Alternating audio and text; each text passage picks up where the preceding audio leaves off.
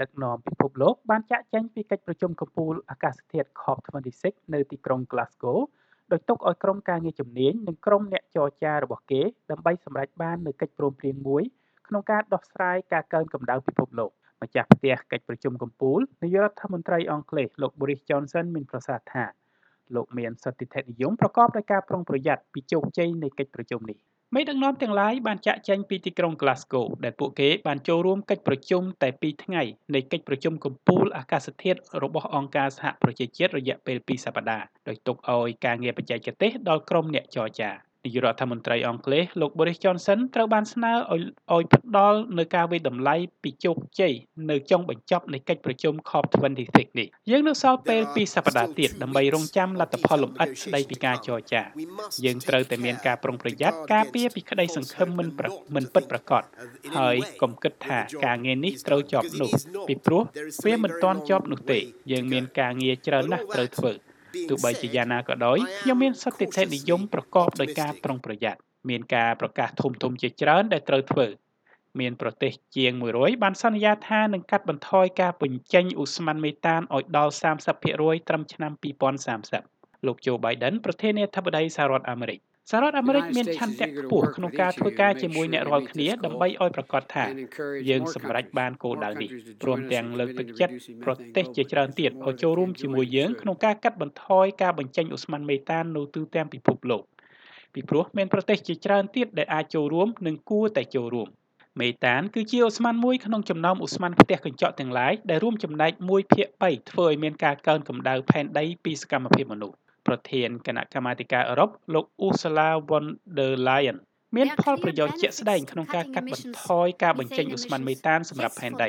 ប៉ុន្តែវាក៏ផ្ដល់ផលប្រយោជន៍ដល់ពលរដ្ឋផងដែរពីព្រោះប្រសិនបើយើងសម្រេចបានតាមការសន្យានេះយើងអាចការពារការស្លាប់មុនអាយុរហូតដល់ 2សែននាក់យើងអាចការពារការមកទទួលការព្យាបាលបន្ទាន់នៅមន្ទីរពេទ្យដោយជំងឺផ្លូវដង្ហើមរាប់សែនករណីនិងការពារមិនឲ្យបាត់បង់កសិផលជាង20លានតោនក្នុងមួយឆ្នាំការសន្យាពីការកាត់បន្ថយការបញ្ចេញឧស្ម័នមេតាននេះមិនធ្វើឡើងឲ្យបានខ្លាំងក្លាដែលគួរតែត្រូវធ្វើនោះទេប្រទេសដែលបញ្ចេញឧស្ម័ននេះក្នុងបរិមាណច្រើនដូចជាចិនរុស្ស៊ីនិងឥណ្ឌាមិនបានចុះហត្ថលេខាលើការសន្យានេះទេ ពីព្រោះការបដិញ្ញាចិត្តនេះត្រូវធ្វើឡើងដោយស្ម័គ្រចិត្តកិច្ចព្រមព្រៀងមួយផ្សេងទៀតដែលបណ្ដាប្រទេសទាំងឡាយបានបដិញ្ញាចិត្តនោះគឺការឈប់កាប់បំផ្លាញព្រៃឈើដែលក្នុងនោះមាន110ប្រទេសបានចូលរួមដែលបានគូបញ្ជាក់ឲ្យឃើញតាមរយៈការផ្ដល់ថវិកាជិត20,000លានដុល្លារដោយផ្នែកឯកជននិងផ្នែកសាធារណៈប្រទេសហត្ថលេខីមួយដែលបានចូលរួមគួរឲ្យមានការភ្ញាក់ផ្អើលនោះគឺប្រធាន ប្រធានាធិបតីប្រេស៊ីលដែលបានផ្ញើសារតាមវីដេអូទៅកិច្ចប្រជុំកំពូលដែលក្នុងនោះលោកបានរៀបរាប់ថាព្រៃតាមតំបន់ Amazon ជារតនសម្បត្តិដ៏វិសេសបំផុតនៃផែនដីប៉ុន្តែមេដឹកនាំជនជាតិដើមនៃប្រទេសនេះបានដាក់ការសង្ស័យថាថវិកាជំនួយនឹងមិនត្រូវបានប្រើប្រាស់ចំគោលដៅនោះទេប្រធានក្រុមជនជាតិដើម Chief Nivana បានទៅចូលរួមកិច្ចចរចានៅប្រទេស Scotland មានការវិនិយោគរាប់ពាន់លានដើម្បីការពារបរិស្ថានប៉ុន្តែការដែលសហគមន៍ជនជាតិដើមទទួលបាន នៅថវិកានោះមានការលំបាកណាស់អ្នកតស៊ូមតិដ៏មានប្រសិទ្ធភាពមួយចំនួនដើម្បីឲ្យមានសកម្មភាពប្រឆាំងនឹងការកើនកម្ដៅផែនដីបន្ទាន់គឺមេដឹកនាំតាមបណ្ដាប្រទេសតាមកោះដែលជាប្រជាជាតិជួបប្រទះនឹងការកើនកម្ពស់ទឹកសមុទ្រដំបូងគេបង្អស់លោក Suran Galvip ប្រធានាធិបតីនៃប្រទេស Palau អ្នកអាចទម្លាក់គ្រាប់បែកលើប្រទេសដែនកោះរបស់យើងជាជាងធ្វើឲ្យយើងរងទុក្ខនិងមើលនៅការឈានទៅបាត់បង់បន្តិចម្ដងបន្តិចម្ដងរបស់ពួកយើងមេដឹកនាំបណ្ដាប្រទេស G20 ពួកយើងលិចលង់ហើយហើយក្តីសង្ឃឹមតែមួយរបស់យើងគឺរនាំងការពារជីវិតដែលស្ថិតនៅក្នុងដៃរបស់អស់លោក មានគំនិតផ្ដួចផ្ដើមថ្មីមួយដែលប្រទេសឥណ្ឌាអង់គ្លេសនិងអូស្ត្រាលីនឹងផ្ដល់ជំនួយលើគម្រោងក្នុងការជួយបណ្ដាប្រជាជាតិតាមមហាសមុទ្រប៉ាស៊ីហ្វិកតាមរយៈការកសាងហេដ្ឋារចនាសម្ព័ន្ធដែលអាចទប់ទល់នឹងធាតុអាកាសលោក Scott Morrison ថ្លែងនៅក្នុងកម្មវិធីសម្ពោធគម្រោងនេះ ដើម្បីដោះស្រាយការប្រែប្រួលអាកាសធាតុអ្នកត្រូវកាត់បន្ថយការបញ្ចេញឧស្ម័នហើយនេះគឺជាផ្នែកមួយដ៏ធំបំផុតនៃការឆ្លើយតបនឹងការប្រែប្រួលអាកាសធាតុប៉ុន្តែយើងក៏ត្រូវសម្របរស់នៅជាមួយនឹងលទ្ធផលដែលបណ្ដាលមកការដែលបណ្ដាលមកពីការប្រែប្រួលអាកាសធាតុដែលបានកើតឡើងរួចស្រេចផងដែរសកម្មជនអាកាសធាតុប្រទេសសាមួអ្នកនាង Brina Fruen បានថ្លែងសន្ទរកថានៅពីមុខមេដឹកនាំ នៅពេលចាប់ផ្ដើមកិច្ចប្រជុំ COP26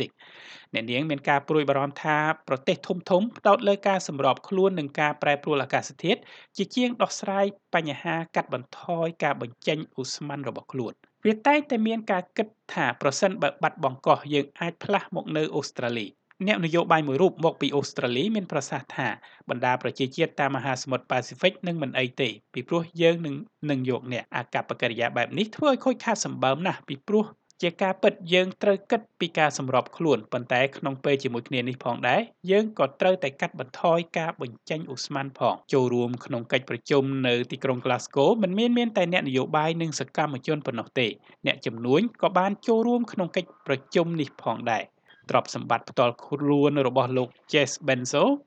មានច្រើនជាងតម្លៃផលិតផលសរុប GDP នៃបណ្ដាប្រទេសជាច្រើនទៀតថ្មីៗនេះលោកបានធ្វើដំណើរទៅអវកាស